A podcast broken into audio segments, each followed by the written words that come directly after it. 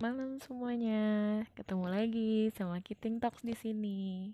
Nah, em, malam ini gue mau ngebahas salah satu drama Korea yang eh, gue udah sebenarnya sih agak ketinggalan ya. Jadi gue ini nonton setelah semua orang itu pada heboh kan.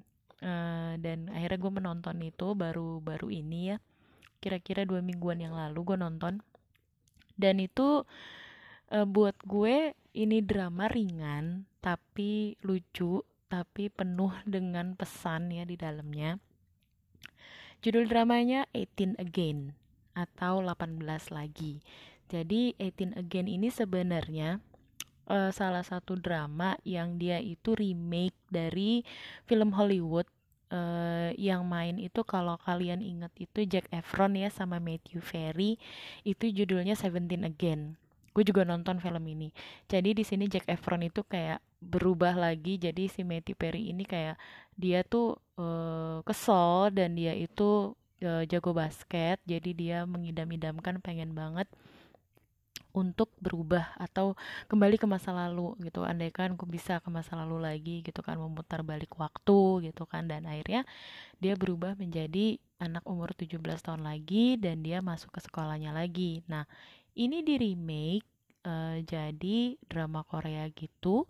Terus uh, remake-nya ini tapi nggak Seventeen Again tapi Eighteen Again. Nah uh, as you know ya karena kan ini dari Hollywood ya uh, dan kita semua tahulah Korea itu rajanya drama banget dan dan mereka itu kalau remake itu juga pasti disesuaikan sama budaya timur ya budaya Asia. Jadi uh, mereka tuh bikinnya itu sudah disesuaikan gitu. Jadi karakternya ada yang ditambah juga ada yang uh, pokoknya beberapa karakter itu ditambah terus ceritanya juga agak-agak ditambah juga tapi ya as you know juga gitu loh Korea walaupun lo menambahkan dan lo mengembangkan ceritanya gitu loh dan dia remake tapi itu nggak keluar dari relnya dan dia nggak keluar dari pace-nya. Jadi itu tetap sesuai juga dengan cerita awalnya yang di Seventeen Again tapi juga sesuai dengan budaya Koreanya. Nah itu ada beberapa hal juga sih sama mereka yang mungkin gak sesuai gitu ya sama budaya timur jadi diganti gitu kan. Tapi kerennya lagi adalah itu pas jatuhnya tuh jadi pas dan manis gitu loh dan itu nggak kedodoran juga mereka tuh gitu kan. Dan itu enak dilihat. Nah jadi short story-nya ini sebenarnya menceritakan bukan menceritakan sih makna di balik drama ini adalah jika hidup bisa diulang apa sih yang bakal lo lakuin gitu kan.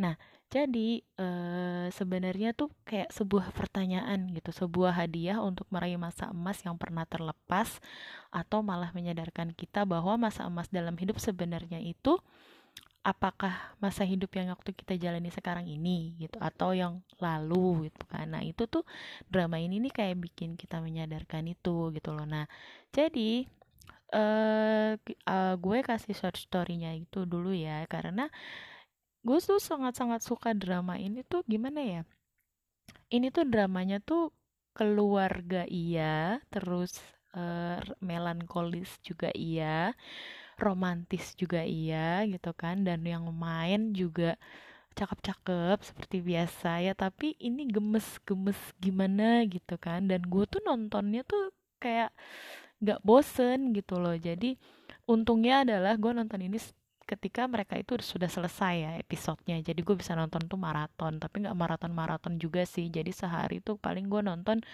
tiga episode atau dua episode gitu kan. Jadi nanti lanjut lagi besok atau weekend gue ya agak tambahin lah jadi empat episode kayak gitu. Nah ini nih eh, apa ya? Jadi tuh kayak campuran drama remaja tapi keluarga juga ada tapi orang tua juga ada tapi tuh nggak nggak ngaco dan porsinya tuh pas pas banget. Untuk kalian yang mungkin udah nonton ya pasti tahulah apa yang gue rasain ketika nonton drama 18 Again ini ya. Nah eh, drama ini sebenarnya waktu awal-awal gue udah tahu dan gue udah dapet notifnya gitu loh dari beberapa media sosial. Tapi karena gue gue lihat tuh banyak agak-agak perdebatan gitu sih ya. Jadi kayak uh, soalnya ada adegan di mana uh, anak SMA tapi jalan bareng sama tante-tante kayak gitu dan bedanya tuh kayak sekitar 15 sampai 17 tahunan gitu. Jadi tuh banyak kontroversi di situ. Makanya gue pikir ini drama sebenarnya gimana sih? Makanya gue nggak nonton dulu gitu loh. Dan ternyata pas gue tonton episode pertamanya tuh lucu gitu loh dan itu tuh uh, apa ya?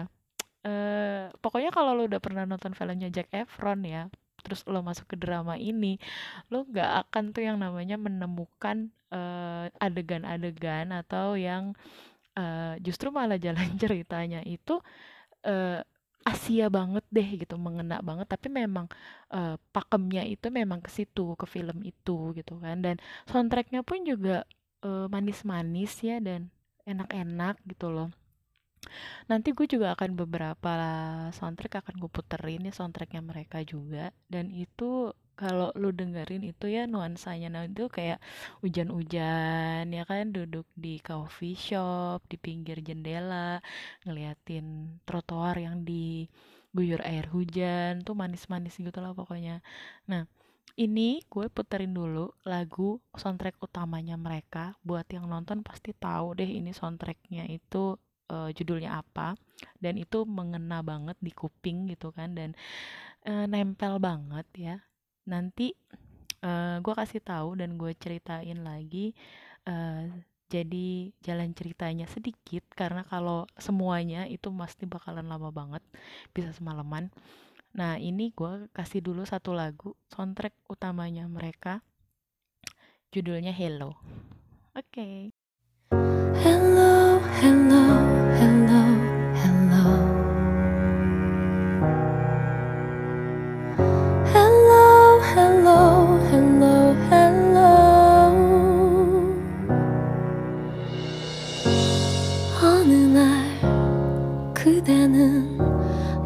꿈속에 피어나던 발그레한 꽃처럼 나를 설레게 해줘. 기나긴 하루가 지나가도 그 자리에 멈춰 내 곁에서 머물러 주었던 영원할 것 같은 시간이 언젠간 끝이 날 걸 알고 있지만 시간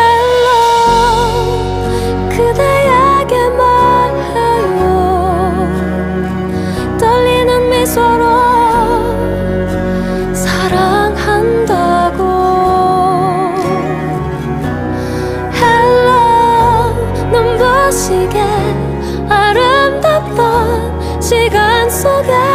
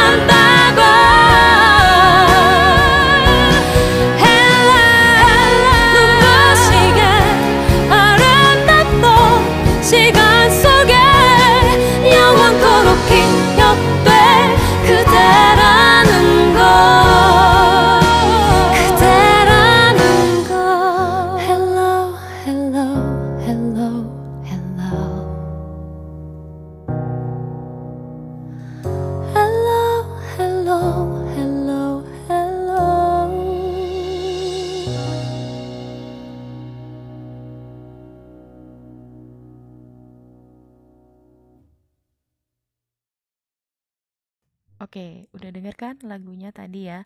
Nah, sekarang gue mau kasih tahu lo sinopsis singkatnya dulu ya.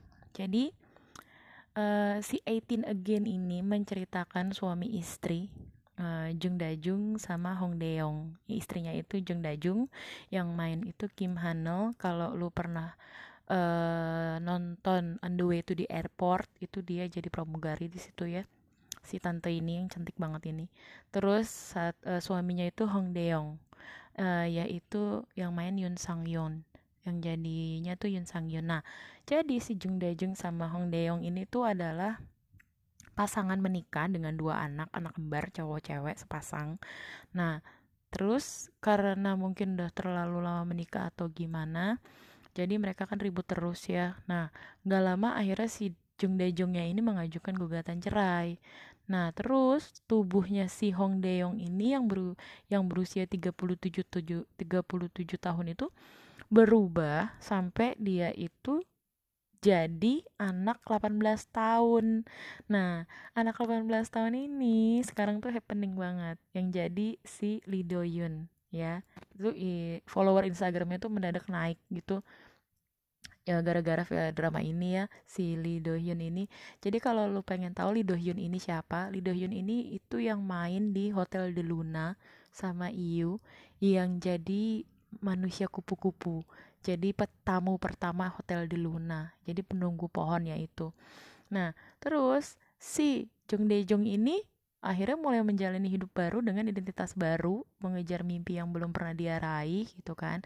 Itu sinopsis ceritanya ya yang singkatnya short story-nya seperti itu.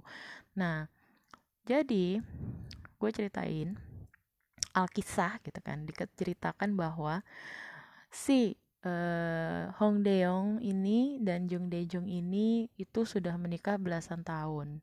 Jadi mereka itu anggap kata tuh pacar pertama dan terakhir gitu kan, saling mencintai itu pokoknya mereka tuh udah pacaran dari SMA.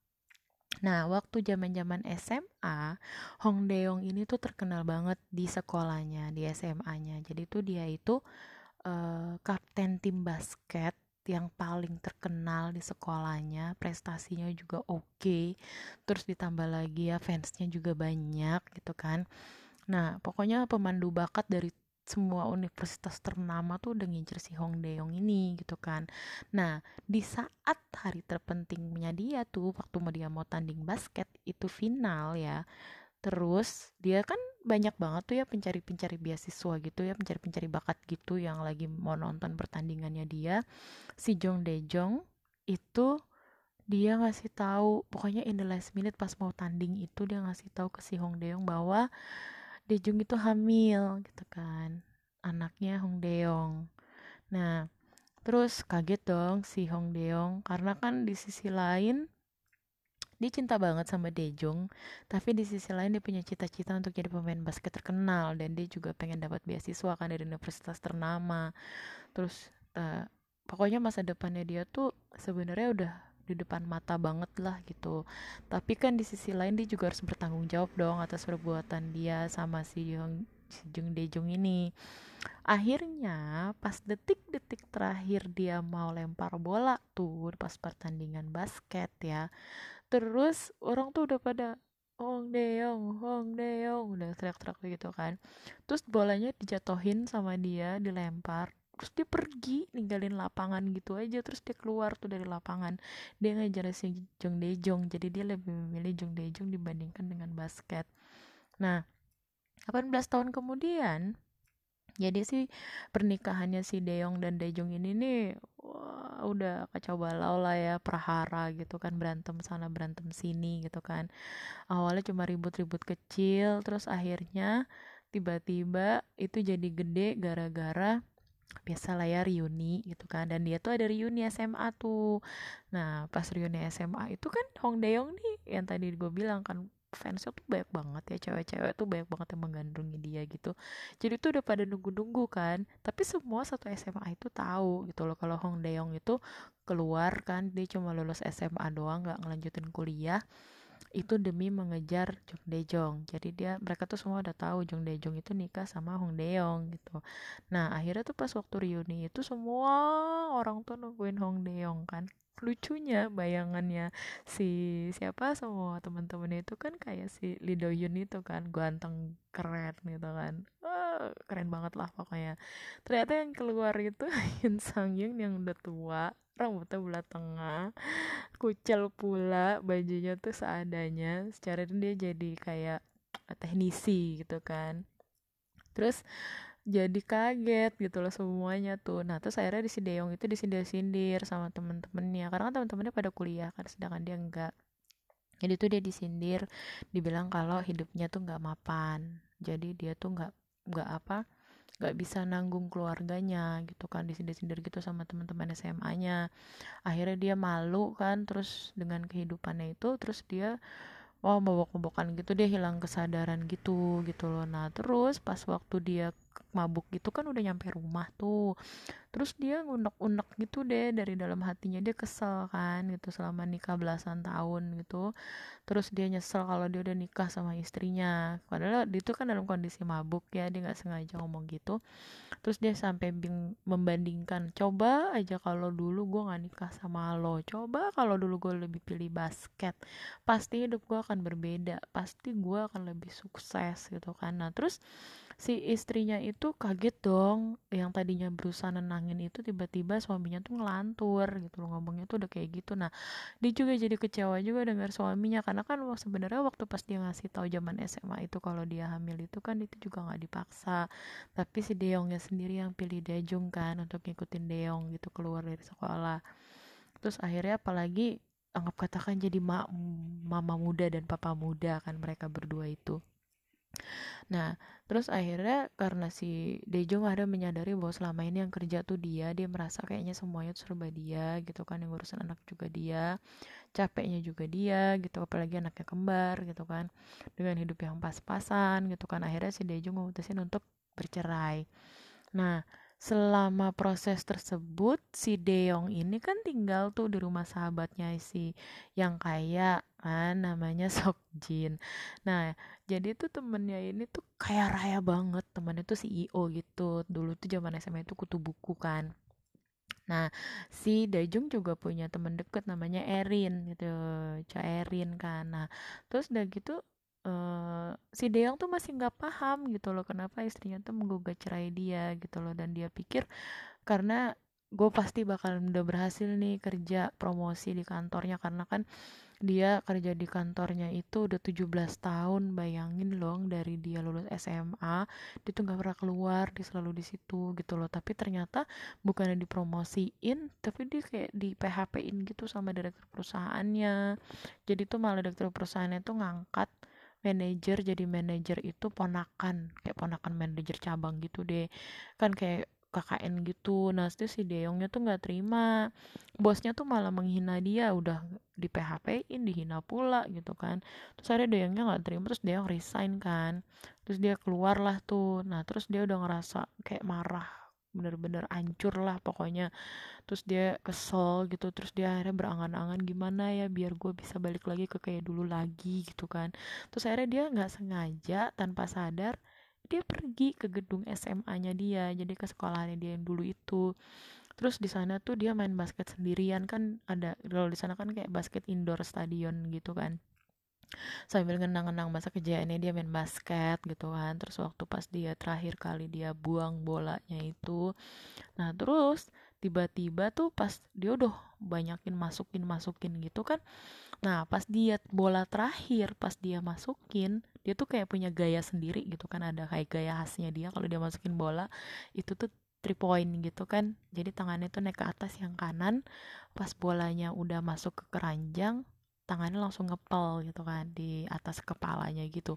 Nah jadi tuh tuh sambil sebelum bolanya itu masuk pas dia mau lempar bola terus dia bilang gini kalau bola itu masuk kata dia "eh, apa aku harap aku bisa kembali ke kehidupan aku yang dulu gitu kan dia bilang kayak gitu. Nah tep nah pas dilempar eh tau-tau listriknya tuh padam dia abis gitu dia kaget dong listriknya mati kan di sekolahnya itu terus tau-tau nyala. Nah dia tuh nggak tahu kalau ternyata setelah listriknya padam terus nyala itu tuh badan ini udah berubah jadi umur 18 tahun si Lee Daeyeon ini jadinya ganteng keren gitu kan. Dia nggak tahu terus dia pokoknya udah capek kan dia kesel akhirnya dia pulang kan gitu loh. Nah terus sampai dia merasa ah udahlah gue pulang aja gitu loh nah udah. Nah terus ini dia nggak tahu tuh dia masih nggak sadar kalau tubuhnya tuh udah berubah gitu loh. Jadi dia tuh eh, karena diusir sama satpam juga kan tiba karena kan satpam sekolah dengar ada orang main anak-anak main bola terus basket gitu terus ditegur kan hei kali kamu kenapa masih ada di sekolah? gitu kan. Jadi kan biasanya kan kalau orang-orang tua itu kan dibilangnya ajusi ajusi gitu kan. Ini enggak hakseng hakseng tuh pelajar gitu kan. Eh hakseng lo ngapain masih di sekolah? Gitu kan. Ini ini udah udah malam. Nah dia tuh nggak sadar kalau dia tuh dipanggil sama satpamnya itu hakseng bukan ajusi gitu. Nah nanti gue lanjutin lagi setelah uh, lu dengerin dulu soundtrack berikutnya. Uh, ini soundtracknya manis banget. Pokoknya lu uh, dengerin aja ya bagian dari soundtracknya mereka nanti gue lanjut lagi oke okay?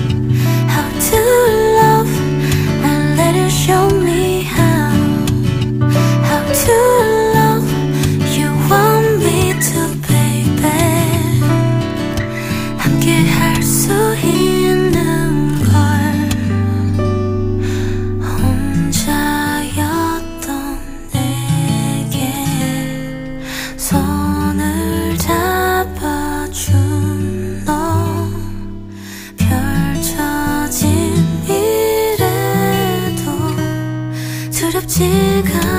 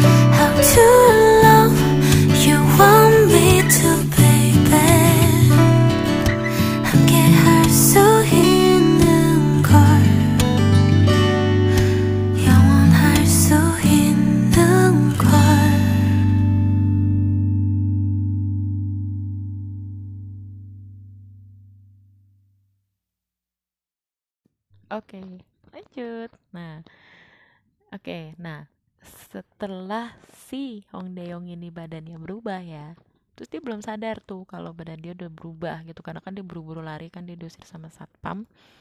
Nah akhirnya terus dia ke Toserba deket sekolahannya jadi deket kayak sekolah sama rumah gitu dia perjalanannya itu ternyata anaknya kan dua ya kembar yang tadi gue bilang cewek cowok yang cewek namanya Hong Xia yang cowok namanya Hong Siwoo nah ternyata tanpa sepengetahuan dia si Hong Xia ini tuh bekerja paruh waktu di supermarket atau toserba deket sekolahannya itu jadi kasir.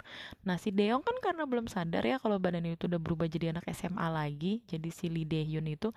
Terus dia ngomelin si Hong Xia itu si Hong Xia nya kan bingung kan gitu loh tiba-tiba ada anak sebaya di sama dia terus ngomel-ngomelin dia.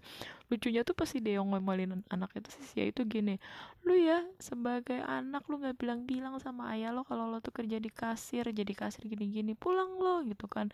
Nggak bagus anak pelajar itu ada di supermarket malam-malam. Lah anaknya bingung kan. Nah terus anaknya takut kan terus akhirnya anaknya malah marah-marah gitu. Terus akhirnya ada orang lagi belanja juga gitu kan lo cewek gitu langsung eh lo hakseng lo ngapain lo marah-marahin dia? Gitu. Nah itu dia belum tahu tuh. Nah tahu-tahu pas dia eh apa mau buka pintu kan ngeliat dong refleksi dirinya dia di kaca tos serba itu dia kaget ngeliat dia langsung hah terus ngeliat badannya dia dan mukanya dia tuh balik ke umur dia yang 17 tahun itu terus dia langsung gini ah kaget kan? Terus dia keluar dari tos serba terus ada mobil kan terus dia ngaca dia teriak terus orang yang dalam mobilnya buka kaca ngomong gini eh Hakseng kenapa lo? Katanya dia. Terus dia langsung yang ah gimana nih gimana nih. Nah karena kan dia lagi proses perceraian kan terus dia tinggal di rumah temennya. Jadi si Hong Dae-yong ini langsung pergi kan ke rumah temennya si Sok Jin itu. Nah terus dia ngomong Sok Jin ini gimana? Terus temennya tuh lucu banget ya karena temennya itu orang kaya raya ya CEO gitu. Itu di dalam rumah temennya itu ya yang sebesar itu tuh isinya tuh Marvel semua. Jadi temen ini Marvelicious. Itu tuh lu bisa nanti lu lihat ada palunya Thor terus ada perisainya Captain America ya sampai baju Iron Man asli itu ada di situ. Terus sampai bajunya si uh, Ant-Man segala juga ada di situ. Itu itu keren banget gitu loh. Itu pernak perniknya Marvel tuh dari yang paling kecil apa yang paling gede itu ada semua di situ. Pokoknya superhero superhero gitu deh.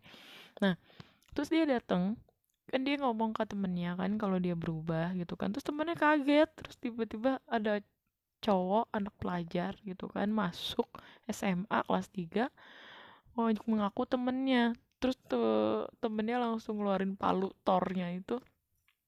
Langsung gini lu ya itu kan. Kurang ajar ditundur-undur temen gue gitu. Nah terus temennya mau dipukul pakai palu tor itu terus si Dong Deong langsung ngambil perisai Kapten Amerika gitu.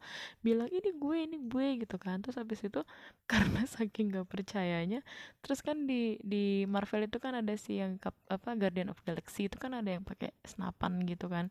Terus temen tuh ngambil senapan itu terus ditembakin kata tuh kata si Hong Deong gini no no no no no lu nggak bakal nembak gue. Itu nggak ada isinya dan itu nggak ada pelurunya. Lo nggak bakal nembak gue. Dan ternyata ketembak dong bener kacanya pecah semua. Terus Hong Dae kaget. Kok lo bisa punya itu isinya? Kan itu kan gak ada pelurunya. Kata temennya apa? Gue udah tahu bahwa kondisi ini akan datang sewaktu-waktu. Jadi di semua senapan ini salah satunya tuh ada pelurunya. Terus dia bingung kan ditembakin sama temennya. Terus sampai lari-larian gitu terus rumah temennya tuh udah kacau balau pecah semua kan barang-barangnya terus akhirnya pas akhirnya dia jelasin ada satu pokoknya kejadian gitu zaman SMA Hong Daeyoung langsung ngomong lu tuh ya Sokji waktu lu SMA tuh gini gini gini gini lu tuh kan nolongin gue tuh gini gini gini gini waktu itu gue gini gini gini. Nah sedangkan itu yang tahu cuma dia berdua. Dari situ langsung dia ngomong kan oh my god dia bilang gitu. Terus langsung dia ngomong gak mungkin ini lo ini gue ini gue terus tapi temennya tuh langsung kayak ngiri gitu bilang ih lu enak banget sih lu jadi muda. Oke oke karena lu udah jadi uh, anak SMA lagi nggak apa-apa gue jadi ayah lo kata dia gitu kan. Lo jadi anak gue kata dia. Sekarang lu mau mau apa mau ngapain? gitu kan. Nah karena Hongdae yang berpikir ini adalah kesempatan dia untuk meraih masa-masa emasnya yang dulu hilang kan waktu dia kabur itu dari pertandingan akhirnya dia bilang sama temennya gue mau sekolah lagi gue mau mencapai cita-cita gue lagi jadi pemain basket. Nah temennya ngedukung. Oke okay, Garit kata dia. Lu besok gue daftarin ke SMA Serim. Nah jadi namanya Serim High School kan. Nah itu paginya dia tuh langsung diantarin sama temennya. Karena temennya namanya Kosok Jin jadi dia di situ namanya jadi Ko Wuyong. Jadi namanya tuh jadi Wuyong. Nah karena dia ganteng dan dia cakep ya tinggi pula terus gurunya tuh ternyata cakep banget wali kelasnya itu. Nah terus habis itu pas dia daftarin Wuyong alasannya dia eh, gede di Amerika. Jadi dia tuh sekolah lama di luar negeri kan. Jadi dia nggak terlalu tahu dengan Korea segala macam propernya kayak gitu.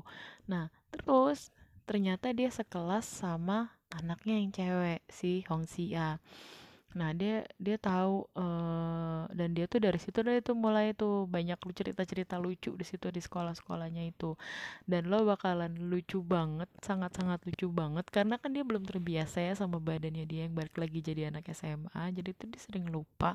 Terus dia ngomongnya tuh ngomong-ngomong bahasa-bahasa orang tua gitu. Jadi temen-temen anaknya tuh yang "Ih, lu tuh oh, Wuyong kok lu tua banget ya? Terus tapi karena semua teman-temannya tahu kan dia dari Amerika kan gitu ceritanya gitu. Jadi mereka mikir oh mungkin kalau di Amerika kayak gini kali ya kan kalau di Amerika tuanya duluan gitu kan. Mereka mikirnya kayak gitu.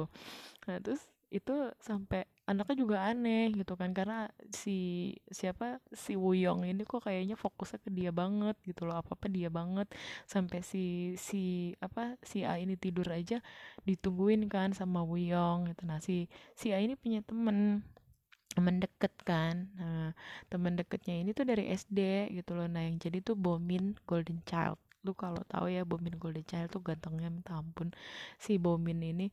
Nah terus eh jadi tuh dicuriga dong si Bomin ini kok ini si anak baru ini nempel mulu sama si Hongxia? Tadinya kan Hongxia temennya gue doang gitu kan. Nah di eh, sekolahan itu ada lagi eh jadi kayak apa eh, bullying gitulah pokoknya cowok gitu berandalan gitu namanya tuh Go Jasung. Nah si Jasung ini itu tuh jahat banget lah pokoknya eh, orangnya tuh jahat banget. Nah tapi si Hongxia ini cewek tapi bisa bela diri. Makanya tuh satu sekolah nggak ada yang berani sama dia. Cowok juga pada takut sama dia gitu. Nah terus nanti gue lanjut lagi. Terus lo dengerin dulu soundtracknya. Satu ini eh, nanti eh, gue langsung masuk ke tengah cerita ya karena kalau ceritanya itu panjang banget. Jadi lo dengerin dulu lagunya oke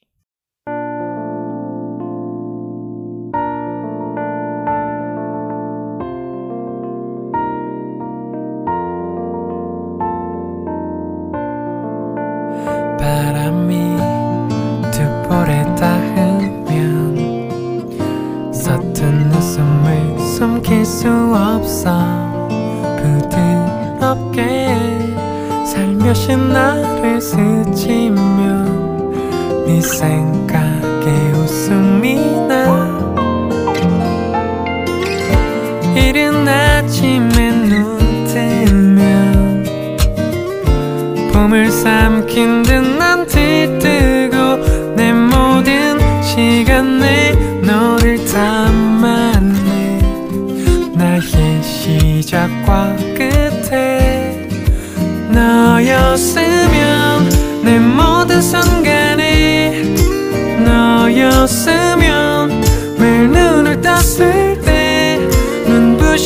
서로 바라봐줬으면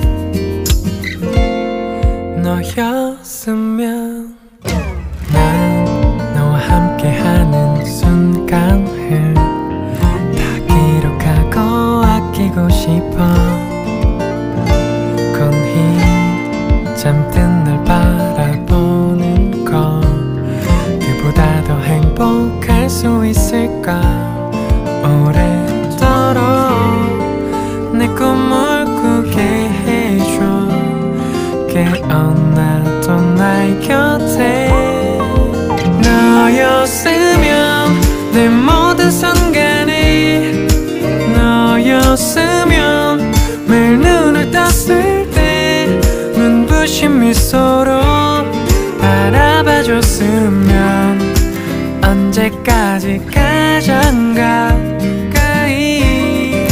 너였으면 내 곁엔 언제나 너였으면 왜 잠들기 전에 밤 하늘 별들을 새는 상상을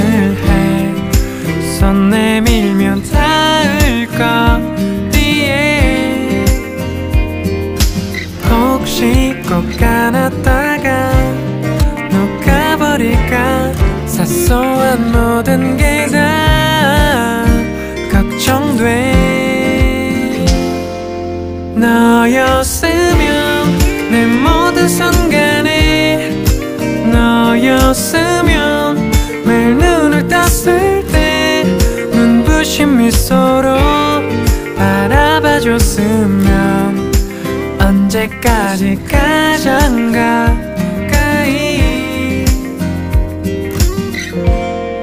너였으면.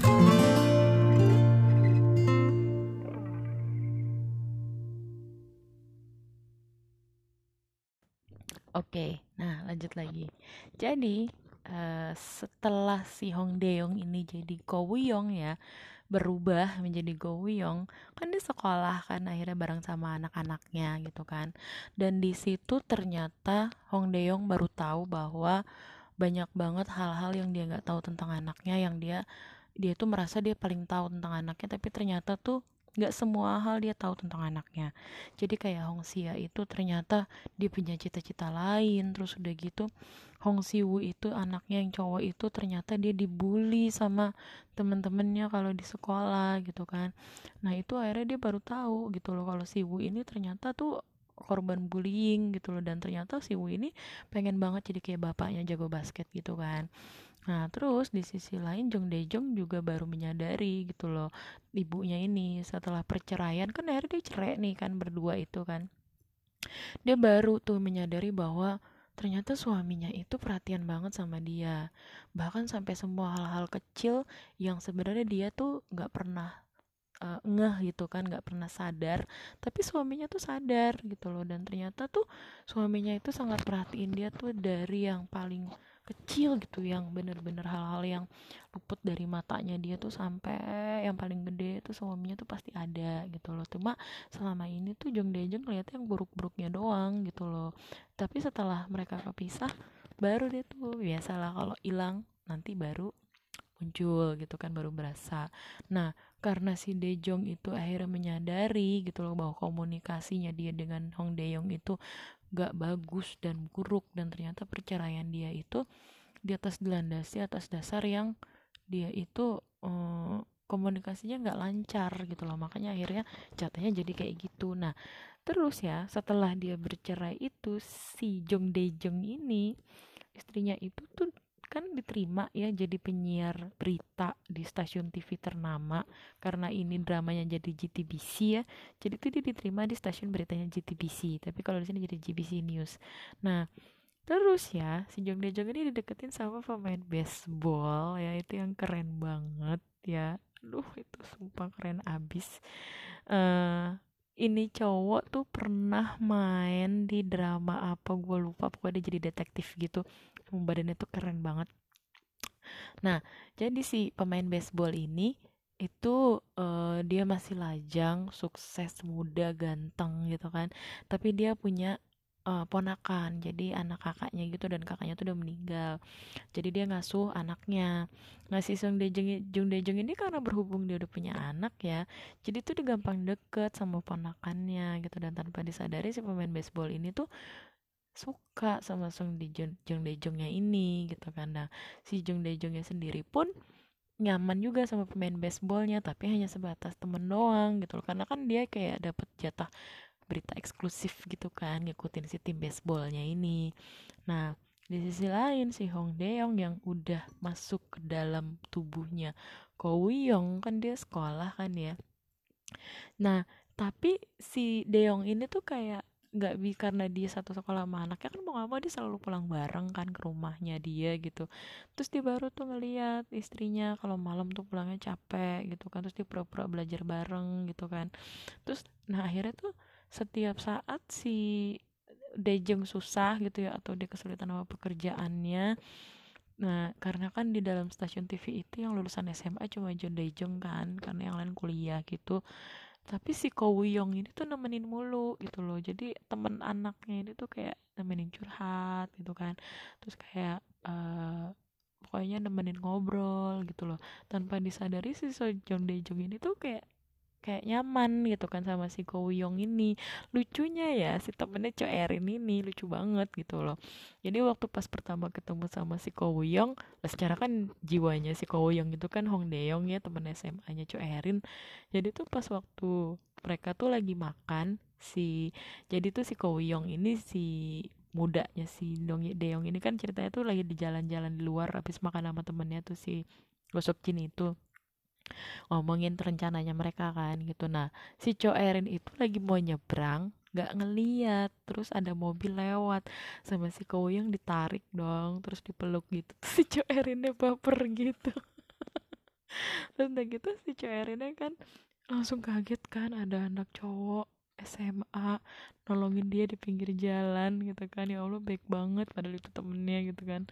Tuh lucunya tuh besokannya tuh dia cerita sama si Jeng Dejeng dia gini eh Dejong ah katanya kalau misal nih gue lagi mau nanya ini bukan tentang gue ya ini tentang teman gue katanya. Terus ada temen gue cewek terus dia tuh kalau ketemu ada satu anak SMA gitu terus dia kalau ketemu tuh anak SMA kayak deg-degan gitu katanya. Terus kayaknya dia suka sama anak SMA itu. Menurut lu gimana? Kata dia Jong gila itu sih kata dia gitu. Masa umuran kita suka sama anak SMA terus tem temennya si Coerin hah? Iya gitu ya. Iyalah gila lah gitu kan. Udah dong terus jadi ketawa gitu kan. Jadi temennya si Coerin itu kayak baper gitu. Nah setiap mereka lagi jalan berdua pasti ada Kowuyong gitu kan. Nah si Kowuyong ini kan tinggi tampan gitu ganteng gitu kan.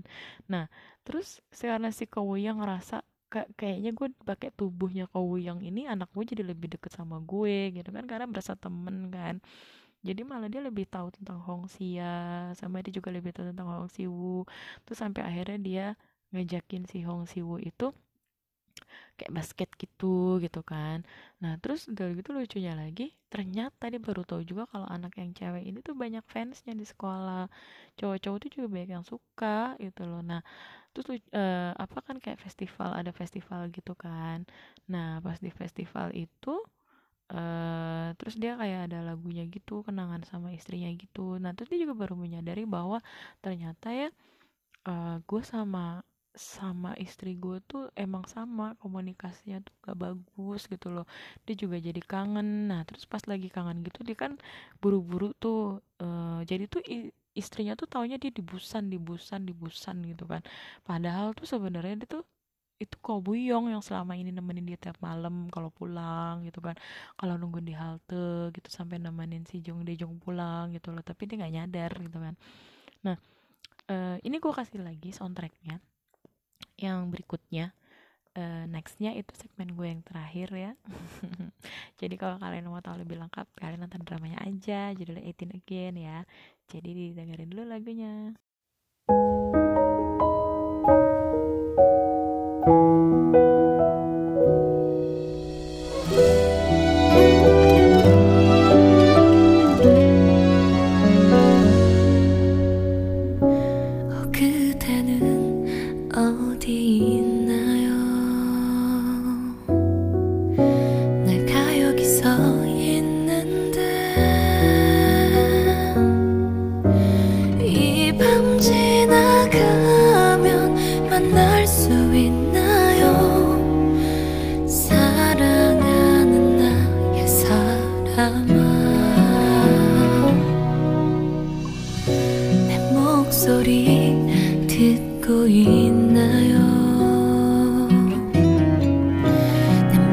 마음속 사랑 얘기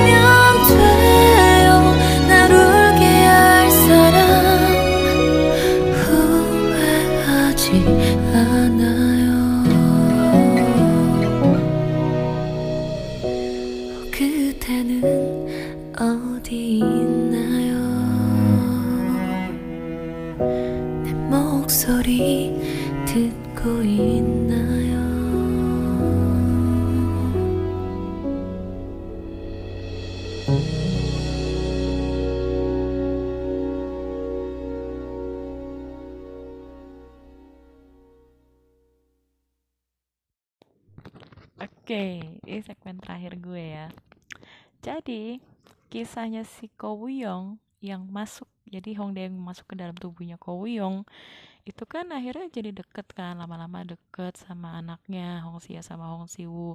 Dan lucunya ya si Hong Sia ini naksir sama bapaknya sendiri gitu kan, karena kan si Ko Woo-young ini perhatian banget ya sama si Hong Sia.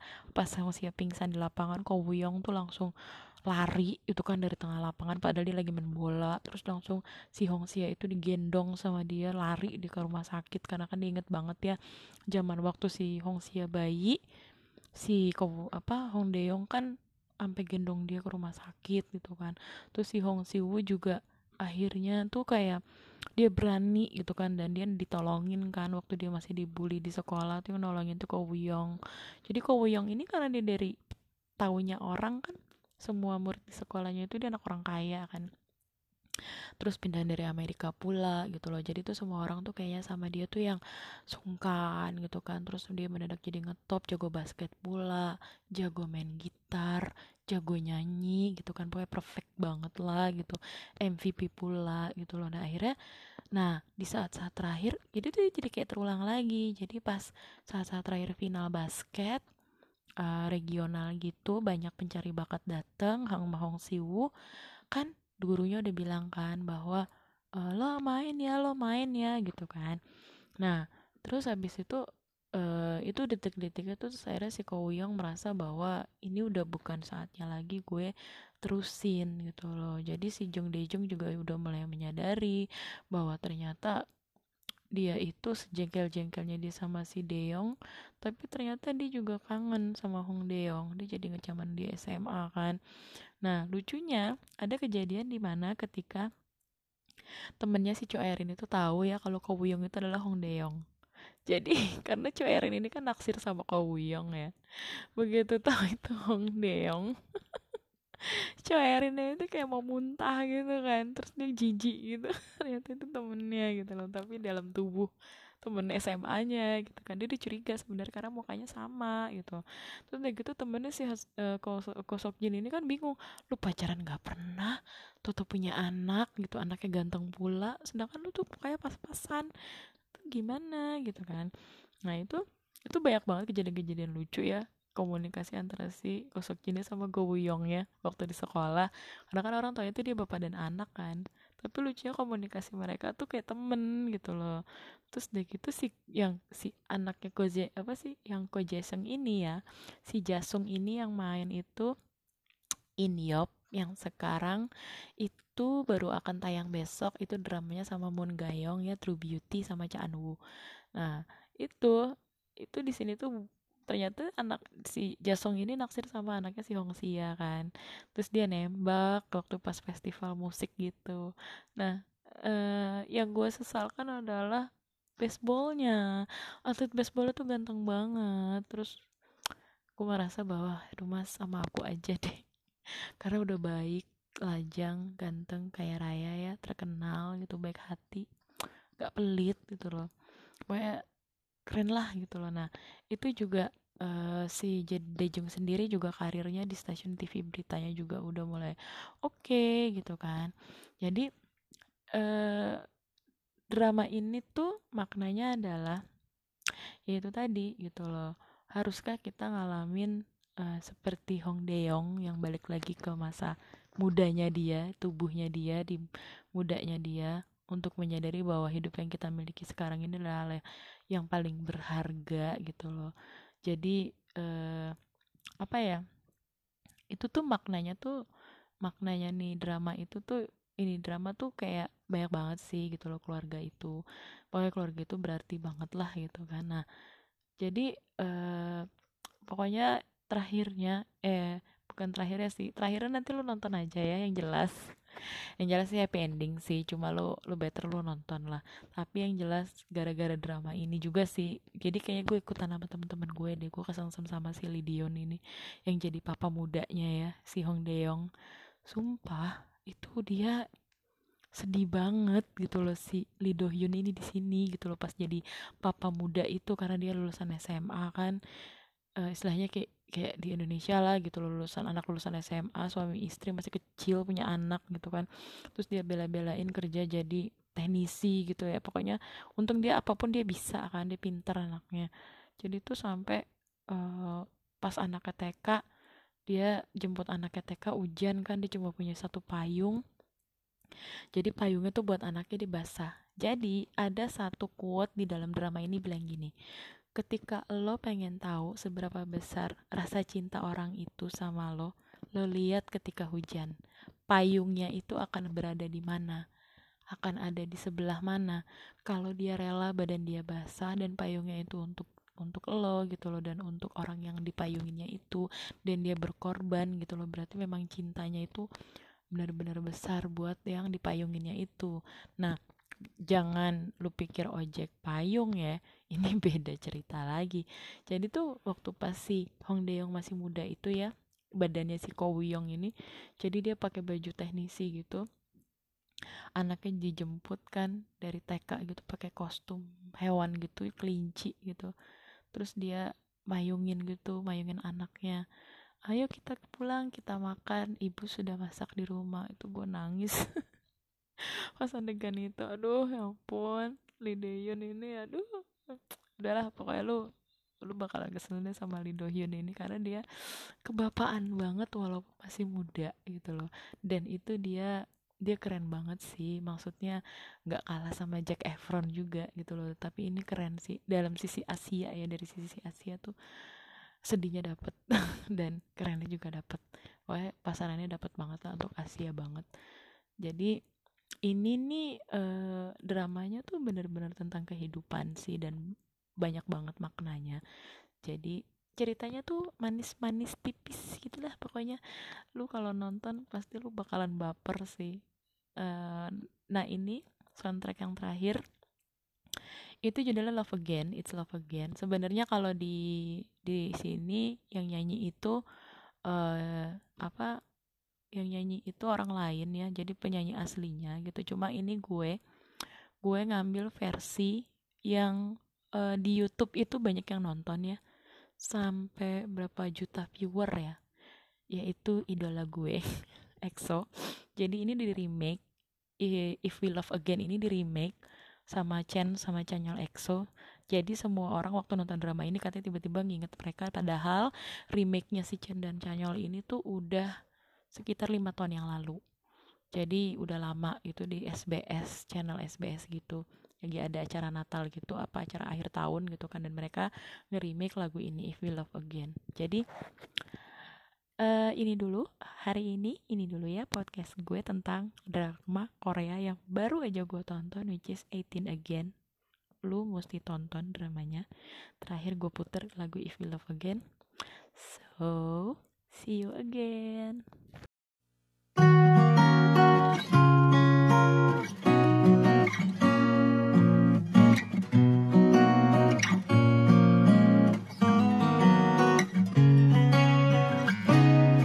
다시 태어난다면 다시 사랑한다면 그때는 우리 이 러지 말아요. 조금 덜 만나고 조금 덜 기대하며 많은 약속 않기로 해요. 다시 이별이 와도 서로 큰 아픔 없이 돌아설 수 있을 만큼 음, 버려도 되는 가벼운 추억만 서로의 가슴에 만들기로 해요. 이젠 알아요. 너무 깊은 사랑은 외려 슬픈 마지막을 가져온다는 걸 그대여 빌게요. 다음번의 사랑은 같지 않길 부디 아픔이 없이 나